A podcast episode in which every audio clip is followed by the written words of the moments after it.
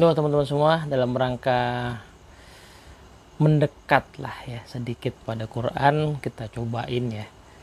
Ya saya sih pengennya bareng-bareng ya ngajak teman-teman untuk uh, yang orang awam seperti saya ini untuk membaca Quran uh, ya melalui terjemahannya dan kita coba untuk menggunakan ya segala sesedikit apa pun kemampuan yang kita punya untuk lebih mendekat gitu ya lebih mendekat. Jadi ya selama ini mungkin kita mendekat dengan cara membaca Arabnya yang mengaji.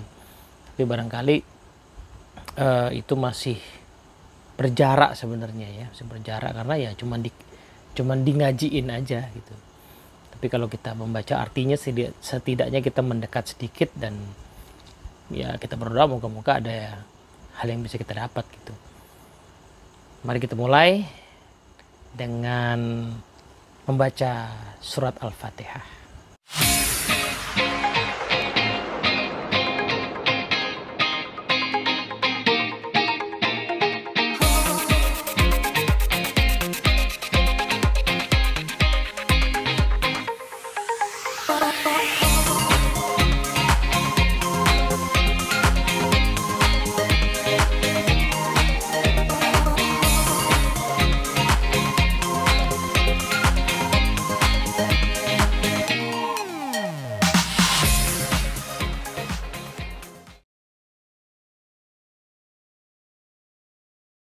Oke, assalamualaikum warahmatullahi wabarakatuh, teman-teman semua.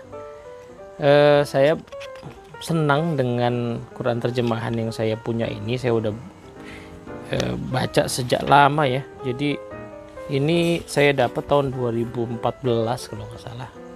Eh, judulnya terjemah eh, Al Muasir atau terjemah kontemporer eh, Ustadz Am Amiruddin ya.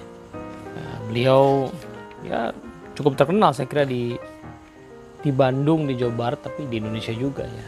Gaya pembawaannya sangat kalem gitu ya. Nah eh, tanpa sengaja saya temukan waktu itu Quran terjemah kontemporer kayak apa tuh.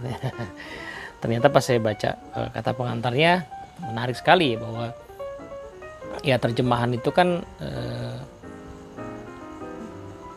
apa ya terkait terikat dengan konteks ya Nah, terjemahan Depak itu misalnya sejak tahun 70-an disusunnya waktu itu. Nah, dengan gaya mungkin style dari para penerjemahnya yang sekian puluh tahun kemudian mungkin kita agak kebingungan membacanya ya. Karena mungkin gaya atau style bahasa di masa itu dan sekarang barangkali berbeda. Nah, sehingga beliau mencoba untuk menyusun dengan pendekatan uh, tafsiriyah gitu sehingga uh, dicari padanan kata yang lebih familiar buat orang zaman sekarang. Jadi ya mungkin aja berkembang ya gitu ya. Nah, eh, so far saya baca ini sih ya lebih lebih mudah dipahami dibandingkan terjemahan yang umumnya kita temukan. Nah, Al-Fatihah itu kan ada tujuh ayat. Nah, ada yang berpendapat e, sebenarnya ayat pertama itu dari Bismillahirrahmanirrahimnya tapi juga ada yang berpendapat sebenarnya ayat pertama itu dimulai dari langsung ke alhamdulillah rabbil alamin gitu. Jadi uh, ya dua-duanya para ulama punya dasar, kita sebagai orang awam sih silahkan pilih aja gitu ya. Nah, yang jelas kalau kita coba mungkin membaca ya. Anggaplah kalau yang di sini sih dimulainya dari yang bismillahirrahmanirrahim ya. Tapi kalaupun dimulai dari alhamdulillahirabbil alamin juga sebenarnya ayat 1 ya dari basmalah sampai ke ayat 4 ya maliki yaumiddin. Jadi bismillahirrahmanirrahim. Alhamdulillahirabbil alamin. Arrahmanirrahim. Maliki yaumiddin. Itu uh, saya menangkapnya kok ya, itu bagian pertama gitu ya. Jadi kalau kita buka Quran ya nah Al-Fatihah sebagai pembukanya. Nah bagian pertama itu kok seperti terkesan bahwa Allah ingin memperkenalkan dirinya kepada kita. Karena kan Quran ini bukan hanya buat umat muslim ya. Quran ini bisa dibaca oleh siapa saja. Eh, dan kenyataannya sudah ditranslate banyak sekali bahasa. Jadi non muslim pun juga ya punya hak untuk membaca gitu. dan kenyataan bahwa di dalam Quran itu sangat banyak disinggung misalnya tentang ahlul kitab gitu ya itu kan berarti memang eh, Quran itu mengajak ahlul kitab itu untuk berdialog juga gitu ya. Nah artinya ya Quran ini bukan cuma bacaan kita nah jadi empat ayat ini seperti ya uh, cara Allah memperkenalkan dirinya gitu. Saya memahaminya sih begitu. Jadi uh, dari sekian banyak nama-nama Allah ya 99 yang kita kenal itu yang dipilih untuk dikenalkan di awal yang ini jadi kalau kita mulai dari Bismillahirrahmanirrahim maka nama yang pertama kali dikenalkan adalah Ar-Rahmanir-Rahim which is berarti diulangi di ayat yang ketiga gitu ya jadi Rahman dan Rahimnya Allah itu nama yang yang sepertinya Allah ingin kita kenal terlebih dahulu. Allah itu maha pengasih, maha penyayang.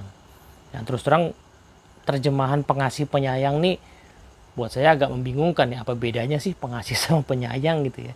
Kayaknya sih beda karena Rahman sama Rahim sepertinya sih juga beda.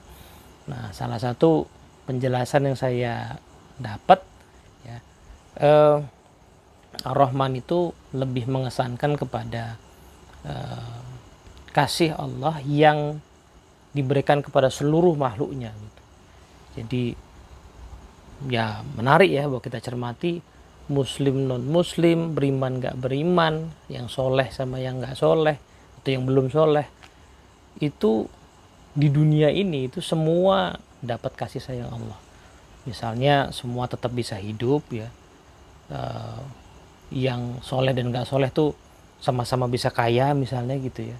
Sama-sama bisa sehat misalnya begitu. Nah, jadi opportunity-nya sama gitu Allah nggak mengurangi langsung. Misalnya yang nggak beriman langsung nggak dapat oksigen misalnya begitu. Jadi Ar-Rahman itu itu ya kasih sayang yang yang yang meliputi seluruh makhluknya. Nah, cuman kalau menurut penjelasan yang saya dapat memang ada batasannya.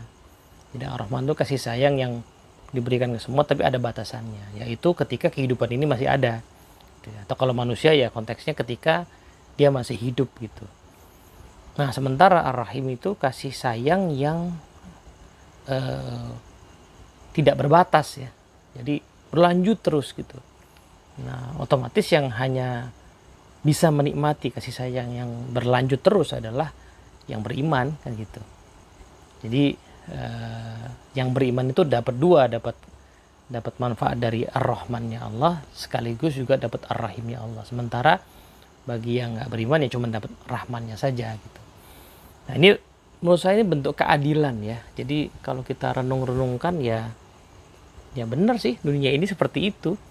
Dunia ini setara ya makhluk itu setara. Bahkan yang belakangan ini saya eh, lagi menyimak sebuah bahasan tentang eh, dalam sejarah itu eh, tidak pernah e, dijanjikan bahwa misalnya ya dunia ini akan dipimpin oleh muslim saja itu nggak pernah dijanjikan. Nyatanya dipergilirkan kan? Nah, sekarang misalnya umat muslim tidak tidak menguasai dunia ya. Tidak menguasai e, banyak belahan dunia secara pemerintahan gitu. Ada masanya dulu ya. Sekian ratus tahun ada masanya dulu sangat dominan. Sekarang lagi tidak. Nah, karena poinnya adalah uh, Allah itu mempergilirkan ya kepada siapa yang sanggup memegang amanah itu. Jadi ketika yang muslim sanggup memegang amanah ya dikasih kekuasaan misalnya. Tapi ketika tidak sanggup ya karena lupa, karena lalai, karena jemawa gitu ya, ya turun jatuh lalu di, digantikan oleh yang bahkan tidak beriman tetapi mungkin lebih punya profesionalisme, lebih punya integritas gitu ya, untuk mengelola dunia ini. Nah, nanti mereka mungkin turun lagi ya turun lagi lalu ketika mereka berjaya itu mungkin umat Islam terbangkitkan semangatnya lalu memperbaiki diri ya bisa jadi ya di, diberi kekuasaan lagi misalnya seperti itu. Artinya semua punya punya uh, peluang yang sama gitu. Itu wujud rahmannya Allah. Nah cuman ada batasannya tadi ya selama dunia ini masih ada. Nah kasih sayang Allah yang tidak putus adalah Ar-Rahim yang hanya diberikan eksklusif kepada orang-orang yang beriman. Tapi anyway, ya, anyway yang yang seolah-olah yang ingin sifat yang yang Allah ingin kita rasakan secara dominan itu adalah kasih sayang. Sehingga ciri khas ya ciri khas kita yang mengimani Quran ini itu harusnya adalah orang-orang yang penuh dengan kasih sayang. Sepertinya begitu gitu ya. Nah lalu kemudian Allah mengenalkan dirinya lagi sebagai Robbil Alamin gitu ya. Tuhan dari seluruh alam gitu Rob Rob gitu. pemilik penguasa dari seluruh alam Ah, nah, ada yang menarik ya ketika belakangan ini saya merenungkan Alhamdulillahirabbil alamin ini kan yang diartikan umumnya segala puji bagi Allah Tuhan semesta alam. Nah, seharusnya kan ini kalimat yang menggetarkan ya. Karena Tuhan semesta alam loh, ya kan. Tapi kok saya nggak saya belum merasakan itu. Saya saya sering kali ngomong alhamdulillah tuh begini teman-teman kalau kalau teman-teman menyadari juga. Misalnya ya, kita dipuji sama orang gitu. Eh kamu hebat banget sih gitu. Terus kita ngucap ya alhamdulillah gitu. Nah, harusnya kan kalimat itu kan kita, adalah kalimat yang maksudnya mengembalikan ya kehebatan atau ke kebaikan itu kepada Allah gitu yang memberikan. Tapi menariknya kalimat itu sering kali ya terucap begitu saja sementara di dalam hati ini saya ngerasanya diri saya yang hebat gitu jadi agak agak kontradiktif ya kalimatnya tuh menyerahkan kepada Allah, tapi kok dalam hati saya yang ngerasa hebat ini kan aneh gitu. Berarti saya belum meresapi tuh kalimat Alhamdulillahirabbil alamin itu. Nah, eh, satu kali saya menyimak ya satu ulasan bahwa yang unik dari kata hamd itu adalah sebenarnya bukan semata-mata pujian dalam arti bahasa Indonesia pujian, tapi di kata tersebut katanya mengandung ya gabungan makna antara pujian dan rasa syukur ya. Kalau bahasa Inggris itu praise and thank gitu ya. Jadi pujian itu, itu itu dua makna yang sebenarnya di kehidupan sehari-hari tidak tidak bisa jadi satu ya. Kita bisa memuji seseorang tapi nggak mesti kita berterima kasih kepada dia ya. kita memuji orang yang punya rumah bagus misalnya wah rumahmu bagus banget kita bisa muji begitu. Tapi kita nggak nggak nggak sekaligus berterima kasih. Wah terima kasih ya rumahmu bagus banget. Nggak begitu juga kan. Gitu. Nah begitu juga ya orang yang kita terima kasihi nggak mesti kita puji ya.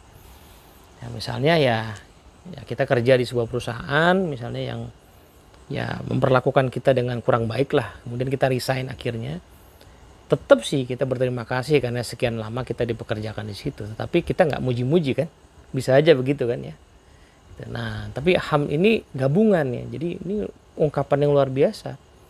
Ya, bukan sekedar pujian biasa, tapi pujian yang gabungan gitu. Nah, tapi kok balik lagi kok saya nggak belum merasakan itu ya ketika saya mengucap alhamdulillah. Nah, kalau dicoba direnungkan gitu, mungkin penyebabnya adalah karena sebenarnya hamnya itu, pujiannya itu adalah konsekuensi dari saya meyakini Robbil Alaminnya. Jadi saya baru bisa menghadirkan perasaan kagum ya terpukau setelah saya juga menghadirkan eh, pemahaman ya pemikiran bahwa yang saya hadapi ini adalah pemilik ya penguasa dari seluruh alam. Jadi saya bayangin dulu bayangin dulu alam ini segede ini ya mungkin kita bayangkan bahwa kita seperti naik gitu ya naik ke atas kemudian melihat seluruh bumi gitu. Bahkan lebih tinggi lagi seluruh galaksi. Ya kita udah pernah lihat lah film-filmnya di National Geographic misalnya. Tinggal di, dibayangkan saja pengetahuan kita tentang itu dirasakan betapa kecilnya kita dirasakan betapa besarnya alam ini dan semua itu milik Allah gitu. Nah, baru tuh kerasa gitu. Ya, hamnya ya.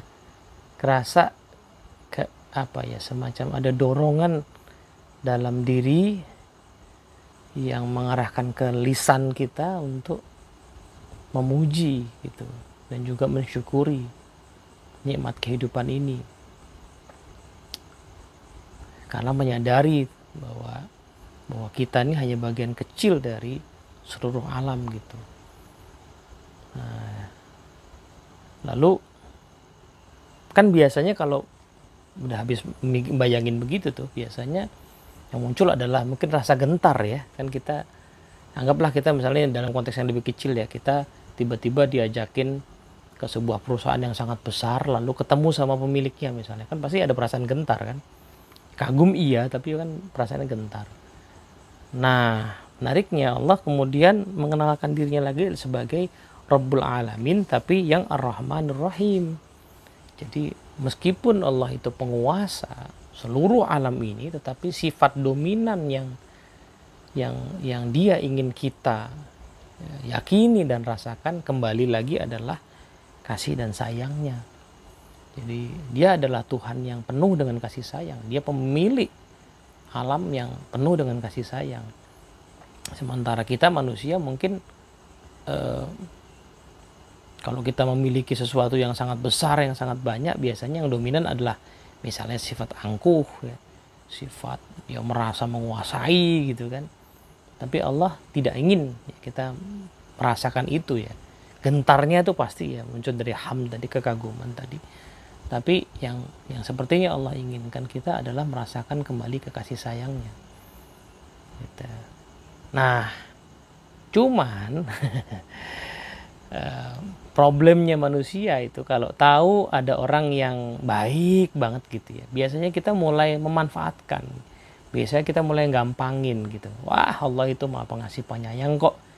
Gitu jadi kita mulai gampangin maka diingatkan lagi ya nama Allah yang lain yaitu Maliki Yaumiddin. Bahwa Allah itu ya yang menguasai hari pembalasan. Jadi meskipun Allah itu kita yakini sebagai sifat dominannya adalah maha pengasih maha penyayang ya penuh dengan cinta tapi jangan main-main karena segala yang diberikan itu yang kita nikmati tadi sebagai wujud sebagai ekspresi cinta Allah kepada kita itu nanti akan dipertanggungjawabkan di hari pembalasan. Jadi jangan ngasal jangan ngawur gitu. Nah soalnya kalau nggak kalau nggak meyakini akan ada hari pembalasan maka kemungkinan kita akan memanfaatkan sifat Rahman dan Rahim itu. Seolah-olah bahwa kita ini ya nggak akan selalu selamat lah gitu nggak begitu. Nah jadi 1 sampai 4 saya merasakannya kok begitu ya. Ini ini cara Allah mengenal di memperkenalkan kepada kita. Nah dengan paket ya dengan paket pengenalan seperti ini maka otomatis gitu ya sepertinya. Akan ada dorongan buat kita tuh rasanya kayak apa? Kayak tunduk ya. Ya e, karena satu sisi Allah itu sangat penuh dengan kasih sayang di sisi lain kita juga harus khawatir takut dengan hari pembalasan gitu ya. Nah, kita nggak keingin kehilangan kasih sayang Allah. Kita juga tidak tidak ingin e, mendapatkan pembalasan yang kita nggak sanggup menanggung. Ya otomatis ya muncul apa namanya ke ke rasa tunduk gitu yang diekspresikan di ayat yang kelima ya iya karena abudu wa iya karena stain ya Allah hanya kepada engkau kami beribadah dan hanya kepada engkau kami memohon pertolongan. Gitu. Jadi kesadaran bahwa kita ini bagian yang sangat kecil kesadaran bahwa keberadaan kita ini karena kasih sayang Allah kesadaran bahwa segala yang kita miliki ini akan dipertanggungjawabkan dari pembalasan maka ya udah deh gitu ya. Nggak ada lain bahwa hanya kepada engkau kami beribadah yang menyembah beribadah mempersembahkan kehidupan kami. Segala hal yang kami kerjakan ini nggak ada lain membuat engkau semata. Dan dalam beribadah dalam menjalankan ibadah itu pasti kami kesulitan maka ya nggak mungkin kami minta pertolongan kepada yang lain selain kepada engkau gitu. Nah maka dari itu tolong deh ya ihdinas siratal mustaqim tolonglah tunjuki kami jalan yang lurus. Ini ada yang mengartikan ulama yang mengartikan lurus itu juga sebagai jalan yang mudah jalan yang luas dan lapang ya untuk kembali kepadamu gitu. Jalan yang benar gitu. Jadi jangan sampai tuh kami kena murkamu ya sebagai al malik yaumiddin. Jangan sampai kami kehilangan cinta kasihmu. Ya, kami kenyataannya harus beribadah dan mohon pertolongan maka tolonglah kami dengan kasih tahu kami jalan yang lurus. Yaitu ya siratal ladzina an'amta alaihim jalan orang-orang yang sudah pasti engkau berikan nikmat. Jadi make sense kalau kemudian di seluruh Al-Quran sangat banyak sekali kisah-kisah tentang orang-orang yang Allah berikan nikmat ya para nabi eh, rasul ya atau orang-orang yang tidak disebutkan namanya tetapi diberikan nikmat gitu atau orang-orang yang disebutkan namanya sebagai orang yang diberikan nikmat tetapi bukan nabi gitu. ada macam-macam kan? Misalnya uh, kisah tentang Lukman ya bukan nabi tetapi diberikan hikmah misalnya. Jadi ada harapan ya kita itu menjadi orang biasa nggak jadi nabi tapi dikasih hikmah ada harapan. Bahkan ada kisah Ashabul Kahfi misalnya yang yang yang saya apa apa yang saya simak dari penjelasan para para ustadz adalah uh, Ashabul Kahfi itu kisah yang sangat menarik ya. Makanya dianjurkan kita membaca minimal seminggu sekali itu karena itu kan kisah tentang uh, sekelompok pemuda yang nggak ketemu sama nabi ya nggak ketemu sama risalah gitu. Tetapi mereka hanya merasa kayaknya ini ada yang nggak bener deh. Kayaknya nggak bener deh ini masyarakat yang menyembah macam-macam nih gitu nah kegelisahan itu membawa mereka berkumpul kemudian sebenarnya mereka hanya pencari aja pencari kebenarannya karena merasa masyarakat nggak make sense. Nah kayaknya kita diminta begitu sebenarnya ya kita sebagai meskipun kita seorang muslim tapi jangan taken for granted keislaman kita. Kita harus mencari kebenaran itu sendiri. Uh, sehingga ya kita menemukan sendiri ya yang benar itu yang seperti apa gitu. Nah ada orang-orang yang seperti itu bahkan ya yang bahkan nggak ketemu nabi ya nggak ada nggak nggak nggak belajar kitab gitu. Tapi karena kegelisahannya karena keinginan untuk mencari kebenaran itu mereka tergolong orang-orang yang diberikan nikmat. Dan kita pengen banget kayak gitu. Dan kita berharap ya supaya tadi tidak tidak diadili dengan mengerikan maka kita berharap ya jangan kita dimasukkan kepada golongan orang-orang yang dimurkai ya. dimurkai itu eh, orang yang dimurkai yang dimarahi itu apa ya? Biasanya adalah orang-orang yang sudah tahu tapi melawan atau ngeyel gitu. Kan kita gitu ya kita akan marah pada orang yang udah kita kasih tahu tapi tetap melanggar gitu. Nah ya ada kemungkinan kan kita jadi orang begitu maka jangan sampai kita masuk ke golongan itu. Udah tahu tapi ngeyel udah tahu tapi cari-cari alasan untuk tidak untuk tidak melakukan ya ajaran agama itu kan banyak gitu ya. Ada sebagian di antaranya mungkin kita nggak suka jalanin itu misalnya. Ya kan puasa misalnya. Kan ada sebagian orang yang berat jalanin itu. Lalu cari-cari alasan gitu. Nah ini orang dimurkai. E, riba misalnya gitu ya. Yang clear riba gitu ya. Ya itu udah tahu. Tapi kan kalau udah kadung di dalam situ kan nggak mudah juga untuk keluar ada sebagian orang yang berusaha untuk keluar tapi ada sebagian lagi yang mencari-cari alasan. Nah ini yang murkai yang seperti ini nih. Tuh. nah jangan juga kita sampai jadi orang yang adzalin ya orang-orang yang sesat gitu. Kalau sesat ini berarti sesat itu kan ya nyasar gitu ya. Nyasar. Jadi eh, kita tersesat biasanya karena kita kurang update ya kita nggak update eh, dengan ilmu dengan dengan dengan kebenaran itu sendiri. Kita berhenti mencari kebenaran. Nah kan mungkin juga ya kita sebagai orang Islam kayak gitu kan. Kita berhenti mencari kebenaran kemudian ilmu kita nggak update eh, kita akhirnya jadi sesat gitu. Ya kan? Jadi misalnya kita ngikut tradisi aja gitu. Nggak pernah bertanya tradisi ini sebenarnya tradisi doang apa ada dasarnya sih misalnya begitu. Tapi nggak nyari ya akhirnya jadi tersesat gitu. Atau ya yang dibahas di video sebelumnya lah. Kalau kita meyakini bahwa kitab ini sebenarnya punya banyak jawaban atas problematika kehidupan kita harusnya yang pertama kali kita buka dan kita cari ketika punya masalah adalah kitab ini kan.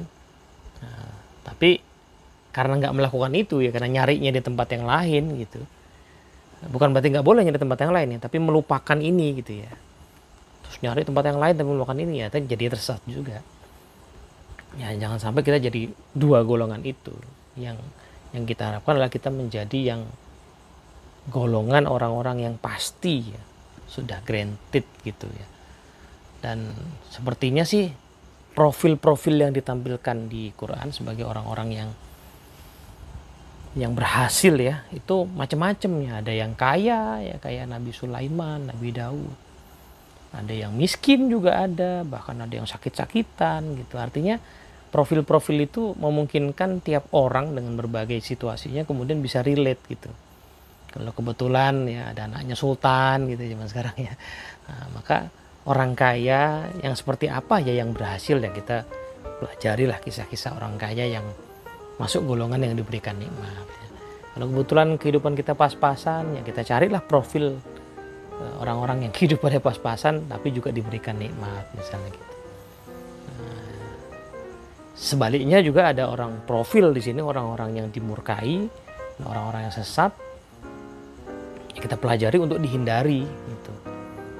Sepertinya sih begitu ya. Jadi ya make sense sekali bahwa Quran ini eh Al-Fatihah ini adalah uh, ya pembukaan atau semacam summary dari seluruh isi Quran karena isi Quran seperti itu ya isi Quran itu adalah bagian awal tadi ya tentang kita mengenal Allah ya. banyak sekali sifat-sifat Allah bertebaran kemudian isi Quran adalah tentang cara-cara beribadah, cara-cara menyembah, cara-cara meminta, cara berdoa kan banyak sekali ya. Contoh-contoh doa yang dikutip di Quran itu kan banyak gitu dan itu adalah doa-doa yang harusnya kita resapi. Lalu kemudian profil orang-orang yang sudah berhasil jalan yang lurus itu seperti apa? Berikut profil contoh-contohnya itu banyak sekali. Nah, begitu juga profil dari yang harus kita hindari yaitu orang-orang yang dimurkai dan orang-orang yang sesat. ya moga-moga manfaat kalau ada komentar monggo di chat ya teman-teman ya Assalamualaikum warahmatullahi wabarakatuh